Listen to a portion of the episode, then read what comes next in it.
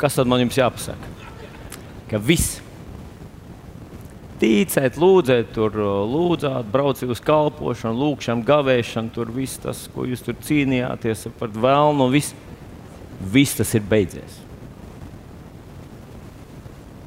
Vai nav jauki? Paklausieties, pirms šie cilvēki uznāca un parādīja mums šo, nu, šo nezinu, es gandrīz to nosaucu par teātru uzvedumu, bet nu, droši vien drusku laika ziņā viņš ir par, par īsu, lai viņu tādu nosauktu. Viņiem bija mēģinājumi. Viņi sanāca kopā, noslīpēja, saprata, ka tur ir vājā vieta, tā ir vājā vieta, tur skaļāk jārunā, tur tas ātrāk jādara šis un tas. Un es kādos divos mēģinājumos biju klāts un skatījos, kā viņi strādā. Un man jau likās ļoti labi, bet viņi turpināja to darīt. Un kā tas būtu, ja šajā rītā mēs ar jums iztēlotos, ka tā diena tiešām ir pienākusi. Un tagad, pēc trim minūtēm, pēc trim minūtēm, mēs atstāsim šīs zemes gaitas, jo līga vainas nāk. Un mēs aizējām prom no šejienes. Ko lūdzu? Jums mājā kaķis, jūs nevarat, uh, nav viņa, kas pabaro.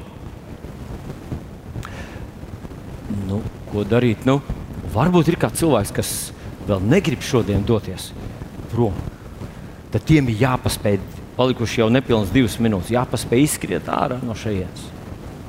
Interesanti, ja tiešām tāda situācija būtu, ka pēc divām minūtēm mēs visi aizietu prom no šīs zemes, mēs nonāktu ar pie kunga Jēzus.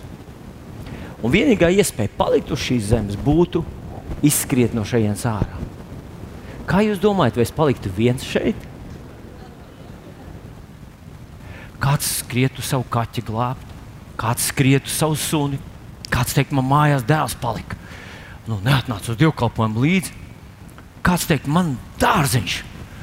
Kā, kā viņš tagad palika? Vismaz norakstīt to kādam un piešķirt, lai man ir dzīvoklis. Kāds teikt, man ir ārstāv meses. Kā viņš tagad tur bez atslēgas. Nu, kurš viņu pievāks labāk, kā dot kādam labam cilvēkam, kādam draugam, kādam. Mums katram būtu kaut kāds, iespējams, ka katram būtu kaut kāds saites, kāpēc šodien es vēl negribu iet prom. Bet pagaidiet,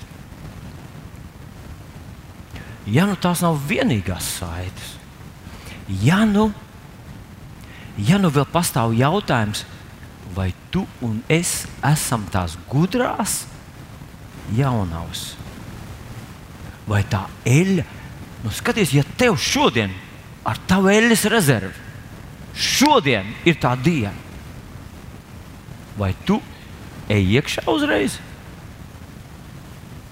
Vai tev teiks, hei, ar tik daudz eļļas tu nekur netiec? Kā būtu? Ja šodien ir tas mēģinājums, Kas būtu tā lieta, kas tev būtu jāpieslīpē?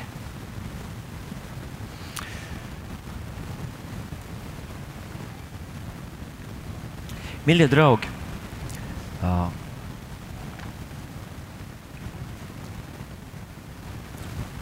Jēzus runā Mateja evanģēlijā 25. nodaļa sākās ar šo, ar šo līdzību, kur Jēzus stāsta par desmit jaunavām. Bet viņš pirms tam pastāsta divas, un, un šī ir trešā, un tad ir vēl pēdējā līdzība par talantiem. Par nama kungu, kurš izdalīja saviem kalpiem liels bagātības, un tad pēc tam nāca ar viņiem norēķināties. Visas šīs līdzības runā par Jēzus atnākšanas dienu. Par Jēzus atnākšanas dienu. Un ziniet, ka, kas visām viņām ir kopējs? Viņas it kā runā par dažādām situācijām, bet viņām ir kaut kas kopējs. Un tas, kas ir kopējs viņām visām, ka tas notiks pēkšņi.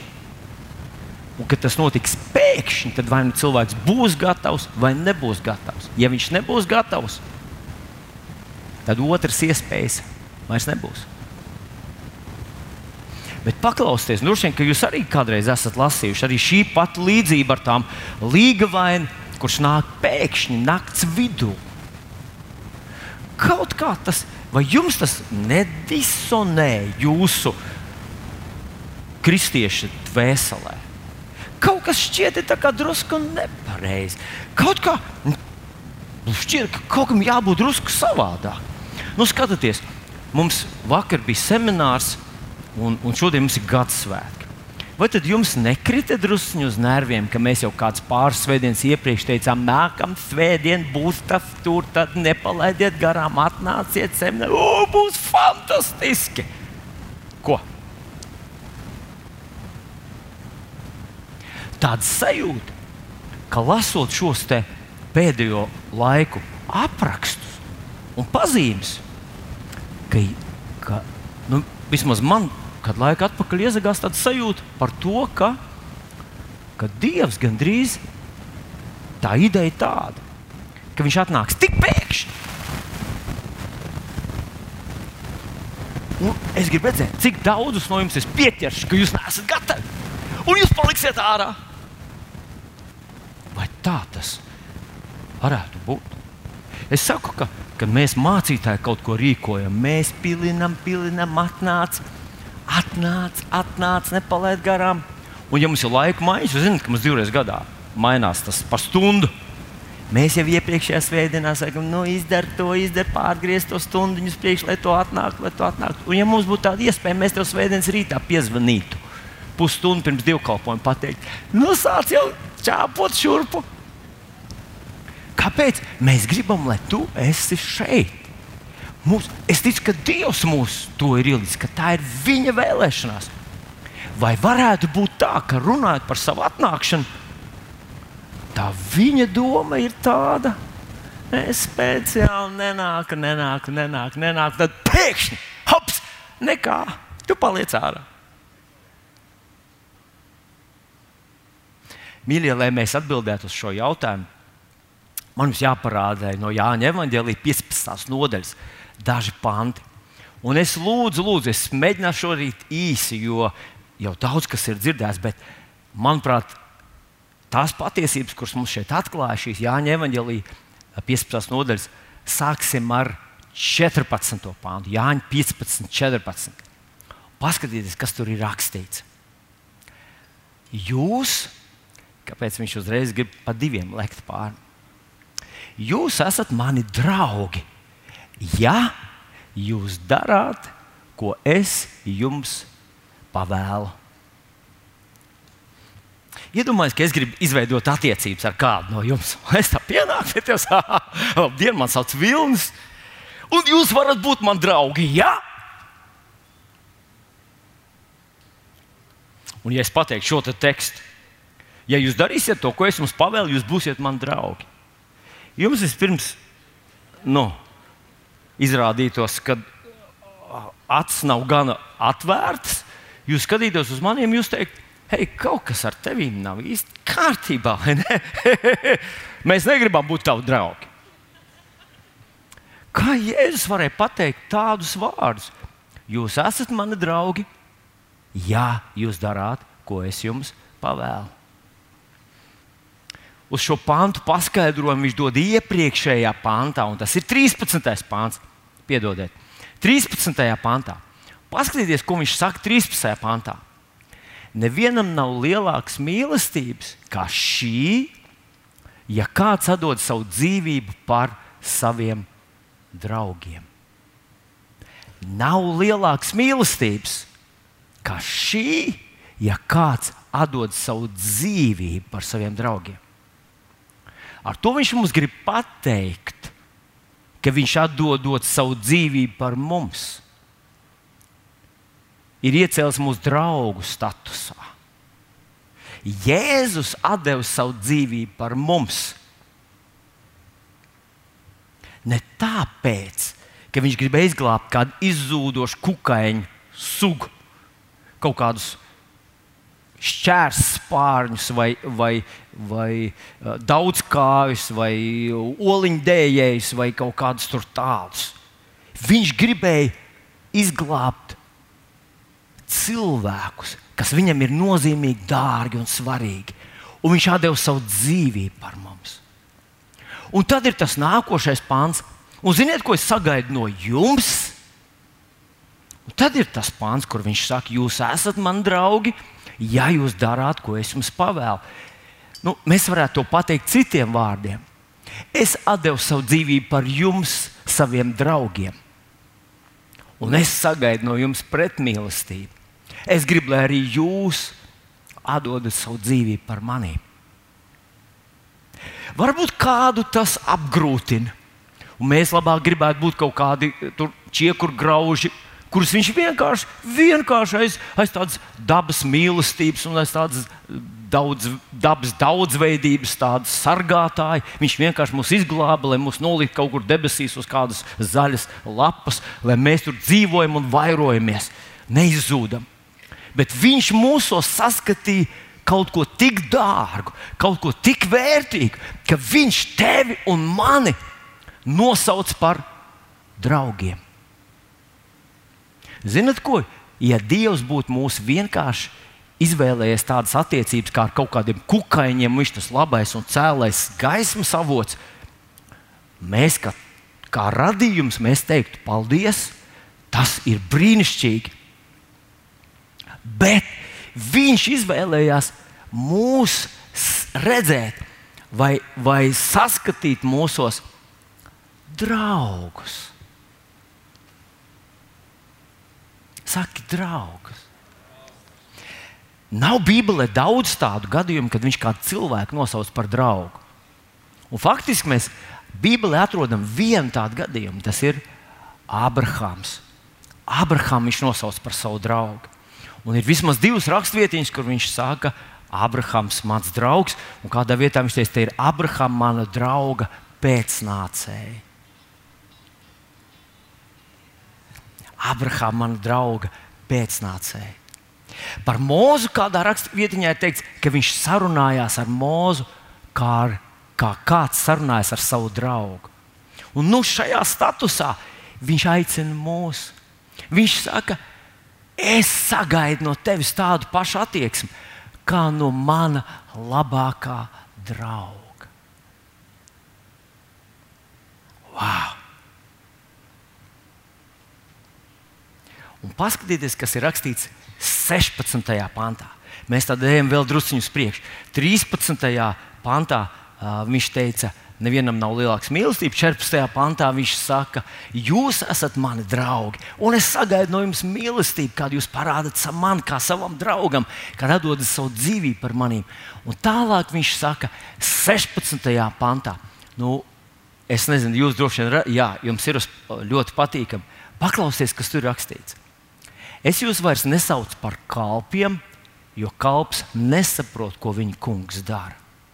Es jūs esmu saucis par draugiem, tāpēc ka visu, ko es esmu dzirdējis no sava tēva, es esmu jums darījis zinām. Viņš saka, ka viņš saviem draugiem dara zināmas slepenas zināšanas, kuras viņš pats ir saņēmis no sava tēva. Viņš to dara zināmu mums. Varbūt kāds, kurš nav tā ļoti iedziļinājies Bībelē, teiks, man neko neviens nesaka. Kāpēc man neviens neko nesaka?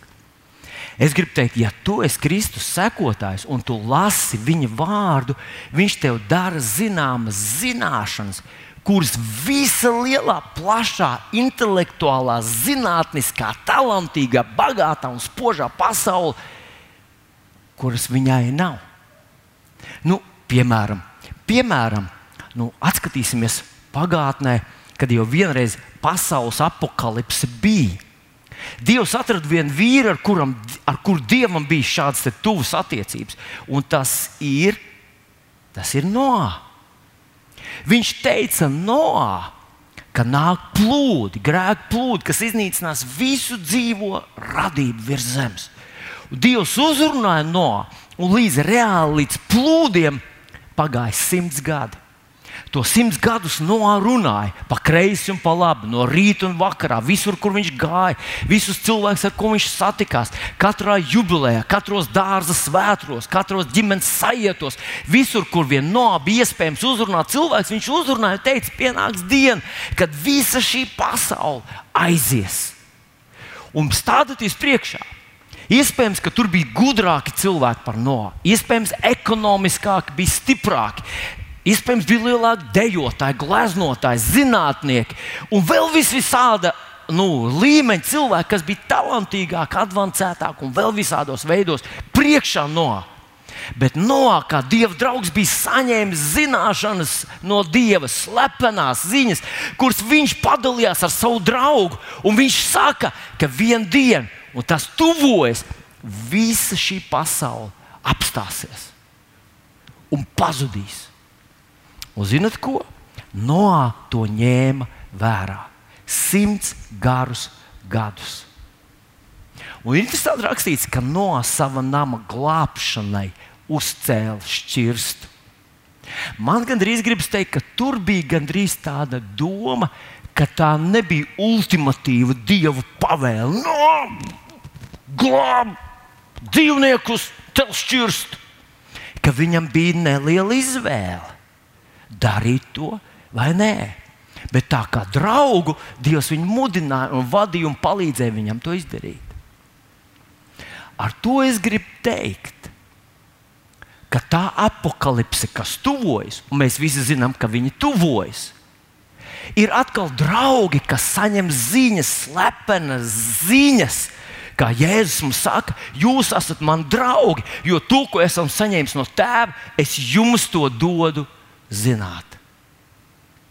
Un šīs lietas ir uzrakstītas Lūkas evanģelī 21. nodaļā. Viņi gan sākās ar to, ka mācekļi dzirdējuši, ka šis te templis, par kuru viņi stāsta, paskatieties, kāds skaistums. Lūkas evanģelī 21. sākās, paskatieties, kādi akmeņi, kāds zelts, kāda bagātība, kāda izšķērdība te visā tajā ir. Un tad Jēzus saka viņiem, ka šeit akmens uz akmens nepaliks, kas netiks nopostīts. Un tad viņi pienāk viņam, saka, nu, kad tas būs? Un viņš sāk viņiem stāstīt. Tad daudz nāks manā vārdā. Un kas ir interesanti? Otra raksturvieta ir Mateja Evanģelijā 24 un 25. Un kas ir interesanti, ka tu lasīsi viņas abas, tev liksies, ka viņš runā par vieniem un tiem pašiem notikumiem. Bet ievēro, kad, ka Mateja 24. nodaļa sākās ar to, ka viņi saka, kas būs pastarā laika pazīmes. Un tur atkal, kas būs šī laika pazīmes, kad, kad, kad šis templis tiks nojauts. Un tad viņš tur stāsta, bet mēs redzam, ka viņš nu, pastāsta par to templi. Tad daudzi nāks manā vārdā un pievils daudzus. Es mēģināšu, lai es jūs šodien nenogurdinu, pilnīgi mēģināšu to saīsināt. Bet viena no pazīmēm, ko viņš runā par abiem laikiem, ir, ka daudzi nāks manā vārdā. Vai jūs esat dzirdējuši pēdējo laiku notikumus vi, Visarionu, kas Sibīrijā tur uzdodas par Jēzus Kristus reinkarnāciju? Es atceros, vairākus gadus atpakaļ viņš bija atbraucis šeit uz Rīgu, un viņš bija VF kultūras pilī. Un, lai cilvēki atnāktu tur tikšanos ar Visarionu, kurš saka, ka viņš ir Jēzus, cilvēki pirka ļoti dārgas biļetes, lai atrastos tur. Un par cik mēs tur darbojamies, tajā VF kultūras pilī, mēs redzējām, kā viņi ar Mersīti atved. Viņš izkāpa ārā, bija tāds pavēles rudens, izkāpa ārā tādā zandalēs un, un baltā tādā, nu, tādā, nu, nu. Viņš, viņš saka, ka, ka, ka, ka tas nav tas pats ķermenis, viņš ir citā ķermenī, bet cenšas ģērbties tā, it kā viņš būtu no turienes. Un cilvēki jau toreiz kultūras pilsēta bija pilna ar, ar cilvēkiem, kas vēlējās paskatīties, paklausīties, ko tad Jēzus mums grib pateikt.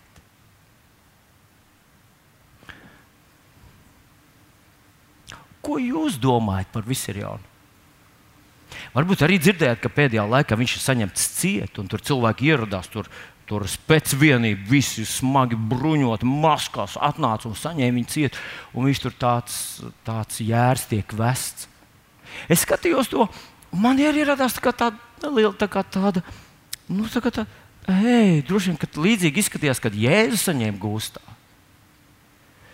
Vis, Jēzus saka, būs cilvēki, kas apgalvos, ka viņi ir Jēzus, bet neiet un neskrieniet. Tas neesmu es. Bet tagad iedomājieties, ja jūs man pajautājat, paldies, ka jūs man pajautājat, kas tad viss ir jauns, ir, es jums pateikšu, viņš ir viens no diviem. Vai nu viņš ir krāpnieks, vai viņš ir schizofrēniķis. Tikai viens no diviem ir iespējams. Es pieņemu, ka, ja mēs aizietu Rīgas pilsētā, ir viena attiecīga vieta, kur ārstēt cilvēkiem, kam ir slims, slims nu, galvas, tad iespējams, ka ienākot palātā, tu varētu atrast, atrast vairākus Cēzarus un vairākas nu, Napoleonus un vēl visādas spilgtas personības tur. Un tie cilvēki ir pārliecināti, ka viņi tie ir. Bet mēs visi zinām, ka hei, tas ir slimi. Un, ja šodien cilvēks apgalvo, ka viņš ir Jēzus Kristus, tam vajadzētu mums tādu signālu lampiņu iededzināt, ka Jēzus jau runāja par pēdējiem laikiem, par viņa atnākšanas pazīmēm. Bet ievērot, ko Jēzus vēl saka, un darīs brīnumus un zīmes. Jau tagad cilvēki ir tendēti, un cilvēki pat no Latvijas brauc tur, Sibīrijā, dzīvo Sibīrijā, lai būtu tur blakus tam puisim. Bet iedomājieties, ja viņš vēl darītu brīnumus. Es domāju, pat mums ar tevi raugoties uz to garajiem matiem un uz to balto apmetni, kurā viņš ir, un to viņa tādas, tādas frāzes, kurām nu, liekas, no kuras pasaules viņš ir. Mums sāk likties, vai tas tiešām nav Jēzus, bet tas nav. Bet interesanti, mīļie draugi, paskatieties, kad mēs lasām šos beigu laiku notikumus, un viņi ir aprakstīti bagātīgi. Ko tam mums vajadzētu pateikt?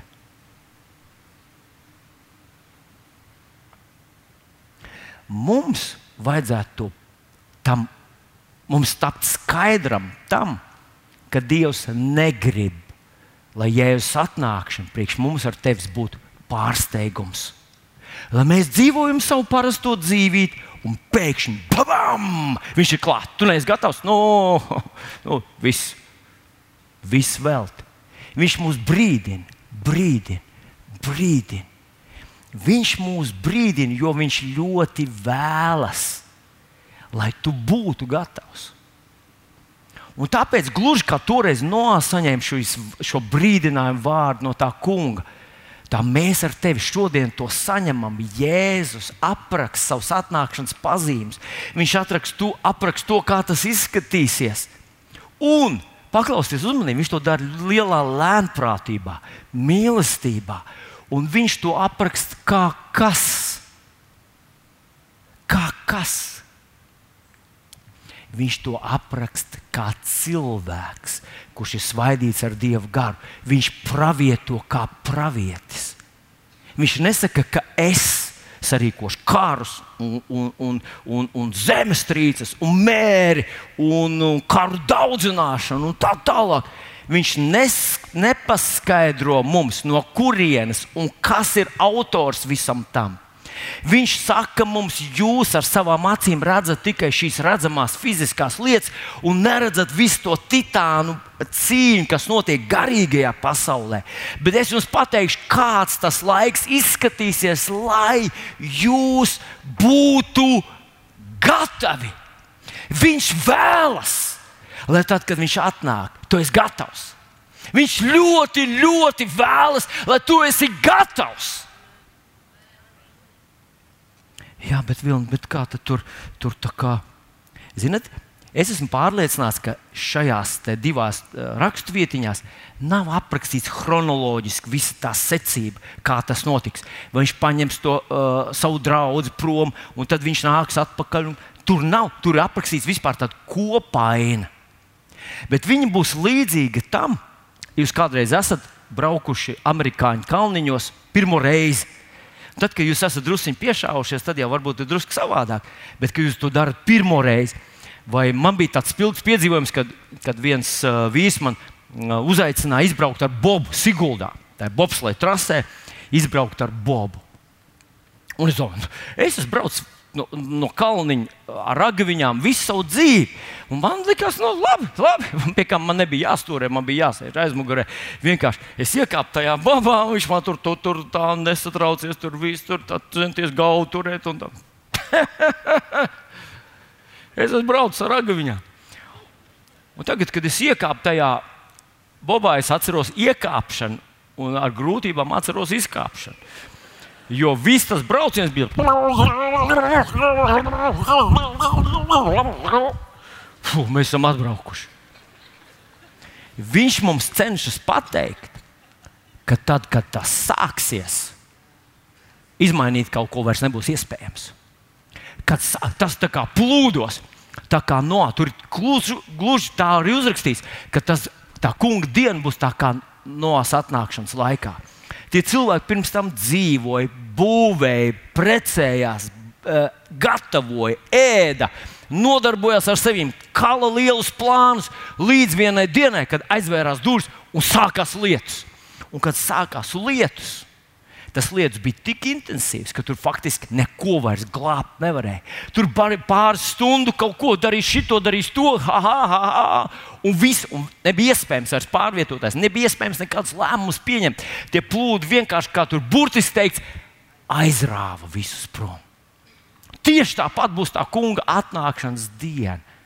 Un jā, vēl aizvien ir diskusija, vai tas kungs paņems savējos pirms lielām bēdām vai bēdu vidū. Es domāju, ka būs dažādi. Ka dažus paņems pirms, dažus paņems bēdu vidū, un daži izies visam cauri. Bet gribēdams mūs ar tevi pasargāt, viņš mūs brīdina un saka, hei, hei, hei, es gribu, lai tu esi gatavs, esi gatavs, esi gatavs, esi gatavs. Vai tu esi gatavs? Un varbūt māsa man jautās, ko man darīt ar kaķi, es gribu būt gatavs.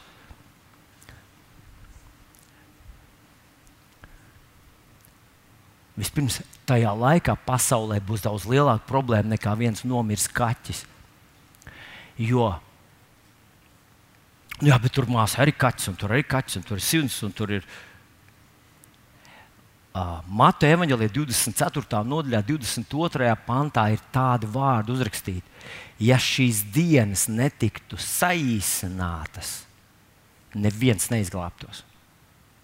Ko tas nozīmē? Tas nozīmē, ka viss tas bēdu laiks būs tik smags, ka, ja viņš būtu ilgāks, neizdzīvot neviens. Būs dramatiskas lietas. Pasaulē būs dramatiskas lietas. Palasa atklāsmes grāmatu. Un tāpēc tas kungs grib savējos izglābt. Viņš grib viņus paņemt pie sevis. Viņš grib mūs patiešām izglābt pirms sākās šeit zeme un debesis jaukties kopā. Un mana pārliecība ir tāda, ka tajā laikā, kad tas viss beigsies, tie trīs ar pus gadi lielās bēdas, kad tas beigsies, Gan drīz vai pasaulē sāksies no jauna visa civilizācija, sāks no jaunas kaut kādas naudas, no jauna sāksies visa īpašuma tiesības un visa attiecības. Un, kā mēs zinām, būs tūkstot, tie būs tūkstots gadu mesijas valdīšanas laiks. Tas būs žēlastības laiks šajā pasaulē. Bet pirms tam viņš būs paņēmis savējos prom. Un tāpēc viņš šodien uzrunā tevi un mani. Uzrunā atkal, uzrunā atkal, kad tu lasi to, uh, kad, kad tu dzirdi vārdu, kad, tu, kad tev liekas, nu, cik var kratīt to pirkstu, un cik var, nu, vienkārši pasakiet, taču, ka Dievs mūs mīl, ar to ir diezgan. Dievs ļoti, ļoti tevi un mani mīl. Un tāpēc savā milzīgajā lēnprātībā viņš mūs brīdina, sūta mums šos brīdinājumus, signālus. Hei, hei, hei! Esi gatavs. Un, nu, nobeigumā es gribu atgādināt vis, tās četras, visas tās četras līdzības, un divos vārdos pateikt, ko viņas tur saka. Mateja Evanģelijas 24. nodaļa, nodaļas beigās ir divas līdzības, kuras Jēzus runā par šo savu, savu atnākšanas dienu, un, un viņš tās, mm, viņš tās nu, uzzīmē apmēram to sajūtu. Viņš nerunā detaļās, viņš to sajūtu. Un tad pirmā lieta ir, ka viņš saka, ka ir nama kungs kurš zina, ka viņa īpašumā grib ielausties zaglis. Tas nevis varētu kādreiz. Daudzi tur tiek apzakti. Varbūt, ka vienā dienā pie tevis atnāks. Nē, bet tu zini, ka viņš ir notēmējis tavu īpašumu, ka viņš grib ielausties tavā namā. Viņš grib paņemt no tava nama pašu dārgāko. Un tad viņš saka, ka tas nama kungs, ja viņš zinātu, kurā stundā zaglis nāk, viņš sagatavotos. Bet nu, viņš zina, ka zaglis nāk tikai nezinu, kurā stundā. Un tur nav runa par mūža garumu. Tur ir runa par, par, uh, par kaut kādu normālu laiku. Un tur ir teikts, ka ja viņš aizmigs, tad zaglis atnāks un paņems dārgāko, kas viņam ir. Ar to, manuprāt, Jēzus mums grib pateikt, ka tavā un manā dzīvē nav tāda laika, kad mēs tā varam vienkārši atslābt un tā bezatbildīgi teikt, vēl jau būs laiks. Vilnis teica, ka 30 gadu apmēram. Mēs nezinām. Mēs nezinām, iespējams, ka tas sāksies pirms beigsies šis dievkalpojums. Tas būtu jauki 30 gadu dāvana. Vai ne? Tātad vispirms viņš zi, zini, ka viņš grib nākt tavā dzīvē, un tu esi brīdināts par to. Lūdzu, neaizmiedz. Otra līdzība. Viņš runā par namu saimnieku, kurš brauc prom no, savas, no sava nama. Viņš atstāja darbu, atstāja kalpošanu savam kalpam. Un tas kalps gaida, gaida, gaida. Un tajā, tajā tur nav īsti pateikts, ka viņš ir nelietīgais kalps. Bet viņš saka, svētīgs tas kalps, ko kungs atnākot, atradīs viņu tā darām. Viņš to, viņš to apsēdinās pie galda, pats noģērbsies un sāks kalpot savam kalpam un iecels viņš par visu savu namu. Citiem vārdiem, Tur nav pateikts par mācītāju, vai par, vai par slavēšanas vadītāju, vai par kādu, kurš te visu priekšā ir redzams. Tur ir runa par kādu, katru draugu cilvēku, kurš uzņēmies kaut kādu kalpošanu, saņēmis to no tā kunga un ir uzticams līdz galam. Un viņš saka, ka tad, viņ, kad viņš atnāks, un ja tu esi savā vietā, viņš tev apsēdinās pie galda un teiks, nu, malacis! Un viņš kalpos tev un iecels tevi, pacels tevi. Ziniet, Dievs saka, ka pacels. Tas nav vienkārši nu, tā, nu, simboliski. Tas būs kaut kas. Bet tad viņš saka, bet ja ļaunais kalps domās savā sirdī, mans kungs kavējas nākt. Un tad, un tad ir interesanti lieta, ko viņš tālāk saka uzreiz. Nu, man tas kā neiet kopā. Viņš saka, un viņš sāk sist savus darba biedrus un rīt un plītēt ar plītniekiem. Nu, es atturēšu šo no tās rīšanas un plītēšanas izskaidrošanas. Bet zināt, ko es esmu ievērojis? Vienu ļoti tādu paradoxālu pazīmi.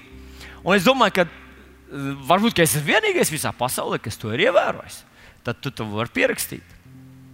Un tā ir tāda, ka katru 99% gadījumu, kad cilvēks iet prom no mūsu draudzes, un liela daļa cilvēku vienkārši pazūd vienkārši pazūd, un viņa nav. Un domā, viņš nomira, parauts. Kas ar viņu notika? Viņu, viņu ieslodzīja, paņēma uz ielas. Kas notika ar to cilvēku? Bija, bija, bija un, pju, un nav. Ir tādi, kas arī liek zināt, kāpēc viņi iet prom. Un ziniet, kāds ir iemesls? Jūs domājat, no viņi, viņi nevar tik ļoti degt. Ja ne? Viņi negrib būt tik garīgi, viņi grib būt mīlīgi cilvēki, viņi vēl grib pagrēkot, viņi vēl grib pastaigāt pasaules ceļus. Un, un tāpēc mēs. Tas būtu fenomenāli, ja kāds pateikt, zini, es negribu vēl tik ļoti dievam nodoties. Es vēl gribu pagrēkot, padzīvot miesā, es noriskēšu. Bet neviens, neviens pa visiem šiem 30 gadiem, neviens man tā nav pateicis. Pamatā visi saka, vai nu es esmu vainīgs, neesmu gana labs es esmu šitāds un tāds, un tur vēl kaut ko nemāku kaut ko, vai nedaru kaut ko, vai vēl kaut kas nav kārtībā. Vai arī tu neesi gana labs? Kurš tu? tu, nu, tu! Tu kādam uzkāp uz varžas, aizvainoji, neesi gana svēts, apsēdies viņa krēslā, tev nav mīlestības vai kaut kas tamlīdzīgs. Vienmēr tie cilvēki, runājot ar šīs līdzības vārdiem, pirms aiziešanas gribēja kādam iesist. Viņi jutās labāk uzreiz. Ah, fu, mēs esam pārāk labi, lai atrastos šajā kompānijā. Un es domāju, ka tas ir tieši tas, ko viņš te saka. Kamēr viņš strādāja, viss bija labi. Bet kad viņš nometa to savu kalpošanu, viņā radās kaut kāda dusma par tiem, kas turpina kalpot, un viņš viņiem gribēja iesist. Tā ir otrā līdzība. Trešā līdzība ir tātad ģētīgās jaunās. Tu esi kura? Kurš domā, ka viņš ir gudrā jaunā? Paceliet rokas. Wow! Wow! Jā, lēnām nāk klāt jaunās. Jā. Vai jūs zināt, ka mēs šodien varam pavisam vienkārši uh, sadalīt ģetīgajās un gudrajās? Vai mūsu starpā ir kāda ģetīga? Jā. Vai tu zini viņu vārdu no vārdu? Nu, tas lai paliek šis jautājums. Bet Mateja evanģēlijā 7. nodaļā Jēzus ļoti konkrēti paskaidro mums, kāds ir starpības starp ģetīgu un gudru. Viņš 7. nodaļā saka tādus vārdus. Ja kāds manus vārdus dzird un dara, tas pielīdzināms gudram vīram, kas savu namu cēlis uz klīns, un kad traumas nāca un vēja pūta, viņš runā par tādiem nu, apakaliptiskiem notikumiem, tad neko nespēja šim namam izdarīt. Bet tad viņš saka, bija cilvēki, kas dzirdēja un neko nedarīja. Dzirdēja un neko nedarīja. Vai darīja nu, to, kas, kas patika, kas palika atmiņā, varbūt. Iedomājieties, ja mēs ar tevi paņemtu līdzi no skolas tikai to, ko mēs atcerējāmies. Nu, šobrīd tiešām mēs, mums ir tikai tas, ko atceramies. Es runāju par savu gadu jauniešiem. Bet bija laiks, kad mēs sēdējām, klausījāmies tos pasniedzēju un pierakstījām. Es atceros, es mācījos medicīnas skolā, man bija sarakstīts klādu klādes. Ar to, ko stāvēja pasniedzēja priekšā un stāstīja, kaut ko rādīja tur un kaut ko tur lasīja. Es rakstīju, rakstīju, rakstīju. No kā doktoriem ir slikts rokraksts? No tā, ka viņi tik daudz raksta, viņiem nav laika izstrādāt tos burtiņus. Viņi skricelē, jo viņi grib visu atcerēties. Viņi zina, ka šeit tas nepaliks, jāpieraksta kladē. Ja tev ir kladē, ah, tad tev ir iespēja sev to atgādināt. Tātad, ja tu esi cilvēks, kurš atnāca uz svētdienas dievkalpojumu, noklausījās, pēc tam izgāja ārā un centās atcerēties kaut ko, tu esi ļoti tuvu ģetīgai jaunavai, jo tu dzirdi, bet nedari. Vai tas nozīmē? Tas nozīmē ļoti daudz ko. Tas nozīmē, ka tu nedzīvo kristiešu dzīvi. Tas nozīmē, ka tava ticība netiek pielietota. Viņa tev ir, bet tu viņu nelieto. Tas būtu tas pats, kas tu brauc ar mašīnu, nelieto vispār bremzes pedāli. Man viņš ir, ha, ha, ha, ha. es izgāju tehnisko, ho, ho, ho. Bet, ja tu viņu nelietos, tu nositīsies vai nositīs kādu citu. Un tieši tāpat tas ir ar kristieti, kurš zina un to nepielieto savā dzīvē. Un pēdējā ir līdzība. Jūs atceraties, kas ir pēdējā līdzība? Matei 25. Kas? Par talantiem. Un mēs to varam attiecināt uz visādām, uz visādām dzīves jomām. Kāds ir talantīgs šajā jomā, kāds ir tajā, kāds labi dzied, kāds muzicē, kāds komponē, kāds vada, kāds uh, skaisti izskatās, kāds labi sēž, kāds labi klusē. Nu, visādi talanti ir, vai ne? Es neironizēju, maz, nē, nē, es vienkārši. Bet, ja mēs godīgi gribam saprast, ko tad Jēzus tur saka, par ko ir runa tur, tad talants ir ebreju naudas mērs. Tu konkrēti viņš runā par naudu. Naudu. Naudu!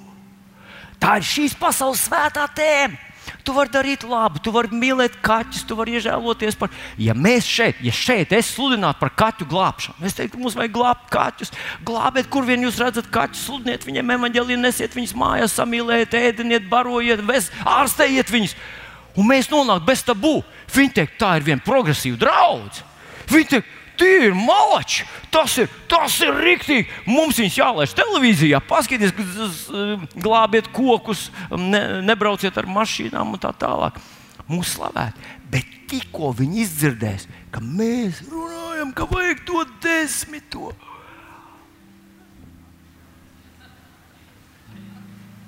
Mamona ir vēl aizvien šīs pasaules dievs.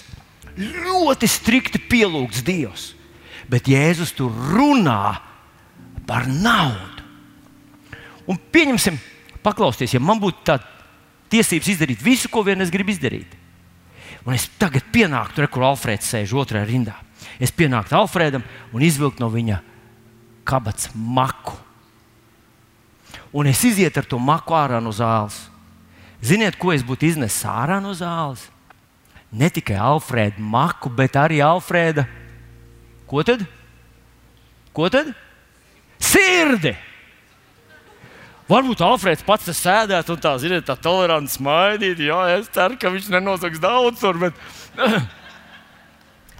bet viņa sirds būtu ārā. Viņš domā, kur viņš iet, ko viņš dara ar manu maku. Cerams, ka viņš viņu pieskat gan labi. Cerams, ka dos atpakaļ. Cerams, ka nepazaudēs. Jo ir kaut kāds likums šajā pasaulē.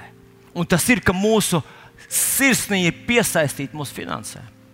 Un es godīgi gribu te pateikt, ka Līga ļoti precīzi pieminēja, mīļie draugi, mēs esam paņēmuši to par likumu. Mēs nemanipulējam, mēs nespiežam, mēs neiežēlinam, mēs nebaidām. Nauda ir tas, ko Bībelīte saka, un tev brīvprātīgi atbild uz to. Bet es godīgi tev pateikšu, ja naudai, ar tavu, tavai naudai, ar tavu dievu un tavu kalpošanu tavam dievam nav nekāda sakara, tad ir bēdīgi. Ļoti bēdīgi. Ļoti, ļoti bēdīgi. Un nu, visas šīs lietas ir uzrakstītas, lai tu sagatavotos šodien. Šodien tu sagatavotos. Lai tu šodien kā tādā ģenerāla mēģinājumā izvērtētu sevi, izvērtētu savas šaurās vietas un atbildēt Jēzum ar lūkšanu, ar kur beidzās Bībelīte. Man ir šodien jautājums, vai tu šo lūkšanu vari lūgt? Nobeidzot atklāsmes grāmatu, kur viņš būtībā runā un brīdina par visiem šiem pēdējo laiku notikumiem, viņš saka tā, un gars un līgava, gudrā līgava. Saka, lūdzu, nāc, kungs, jēzu. Es gribu tevi. Lūdzu, jēzu, nāc. Es pie sevis padomāju, ka es šo lūkšanu esmu lūdzis nedaudz reizes. Pavisam nedaudz reizes. Bet es saprotu, ka tai jākļūst par daļu no manas gatavības, pazīmē. Es gribu nākt, kungs. Jā, es, es, es vēl daudz ko gribu izdarīt, bet tajā pašā laikā, ja nākamajās divās minūtēs nāk tas kungs, ja nākamajās divās minūtēs nāk tas kungs, Man gribētos teikt, huh, es gribu noģērbt visu nost, es esmu gatavs, rekurors esmu, rekurors esmu, nāc, nāc, nāc. Jēs. Es tā ilgojos tevi redzēt. Esmu atradies tuksnesī, tālu svešumā no tevis prom, bet es zinu, kur es nonākšu. Es nonākšu tajā vietā, kurai es reāli esmu radīts es nonākšu tās personas sadraudzībā, priekš kuras es esmu veidots. Kad mēs ar tevi tur nonāksim, mēs teiksim, upā, es jūtos tā, it kā es šeit vienmēr esmu bijis. It kā, it kā šeit ir mājas, it kā es nekur citur vairs negribu. Tev nenāks vairs atpakaļ nu, kad tu būsi debesīs, tev nenāks prātā braukt uz Spāniju, tev negribēsies zilos ezerus, tev negribēsies ne, ne, ne, ne, ne savu silto mīļo dzīvoklī. Tās visas lietas būs palikušas tik tālu un tik apšaubāmas tev. Tu būsi mājās. Viņš saka, viņš nožāvēs visas asaras no tavām acīm. Viņš saka, ka tu baudīsi tā kunga žēlastības un laipnības pāri plūstošo bagātību. Viņš saka, ka viņš tev iedos akmeni, uz kura būs rakstīts tavs vārds. Un neviens cits to nezinās. Tas nozīmē, ka nevis tu stāvēsi tur desmit miljonu kaut kādā tur rindā, un no tālienes tikai ar binoklī tu varēsi redzēt trīsvienību, bet tev būs personīga saruna ar Jēzu. varbūt ar tavu debesu tēvu. Un, un viņš, viņš kaut ko konkrēti pateiks tev, to, ko nepateiks nevienam. Un tu jutīsies, tu jutīsies kā bērns pie sava tēva, un tu jutīsies kā, kā jaunākais brālis, savam vecākā brāļa klātbūtnē, Kunga Jēzus Kristus klātbūtnē. Bet šodien viņš uzrunā tevi lēnprātīgi un mīlestībā. Lūdzu, esi gatavs. Lūdzu, lūdzu neaizraujies ar šo pasauli. Lūdzu, nepazaudē galvu. Lūdzu, nepazaudē savu mērķi, jo tā diena ir pavisam, pavisam, pavisam tuvu.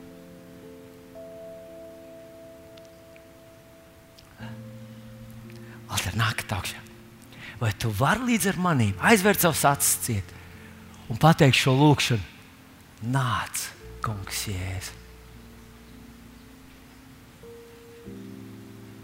Nāc, kungs, jēzus. Es tā esmu noilgojies pēc tevis. Man dvēsele iekšā augsts, slāpes, mans gars, mana dvēsele augsts, paskatīties tavās acīs, dzirdēt tavu balsi, atrasties tavā tūmā. Nāc, kungs, jēzus. Tu man brīdināji kā draugu, un re, kur es esmu? Es atsaucos, es atdodu visu savu dzīvi tev. Tu esi man ļoti, ļoti svarīgs. Nāc, kungs, jēzus.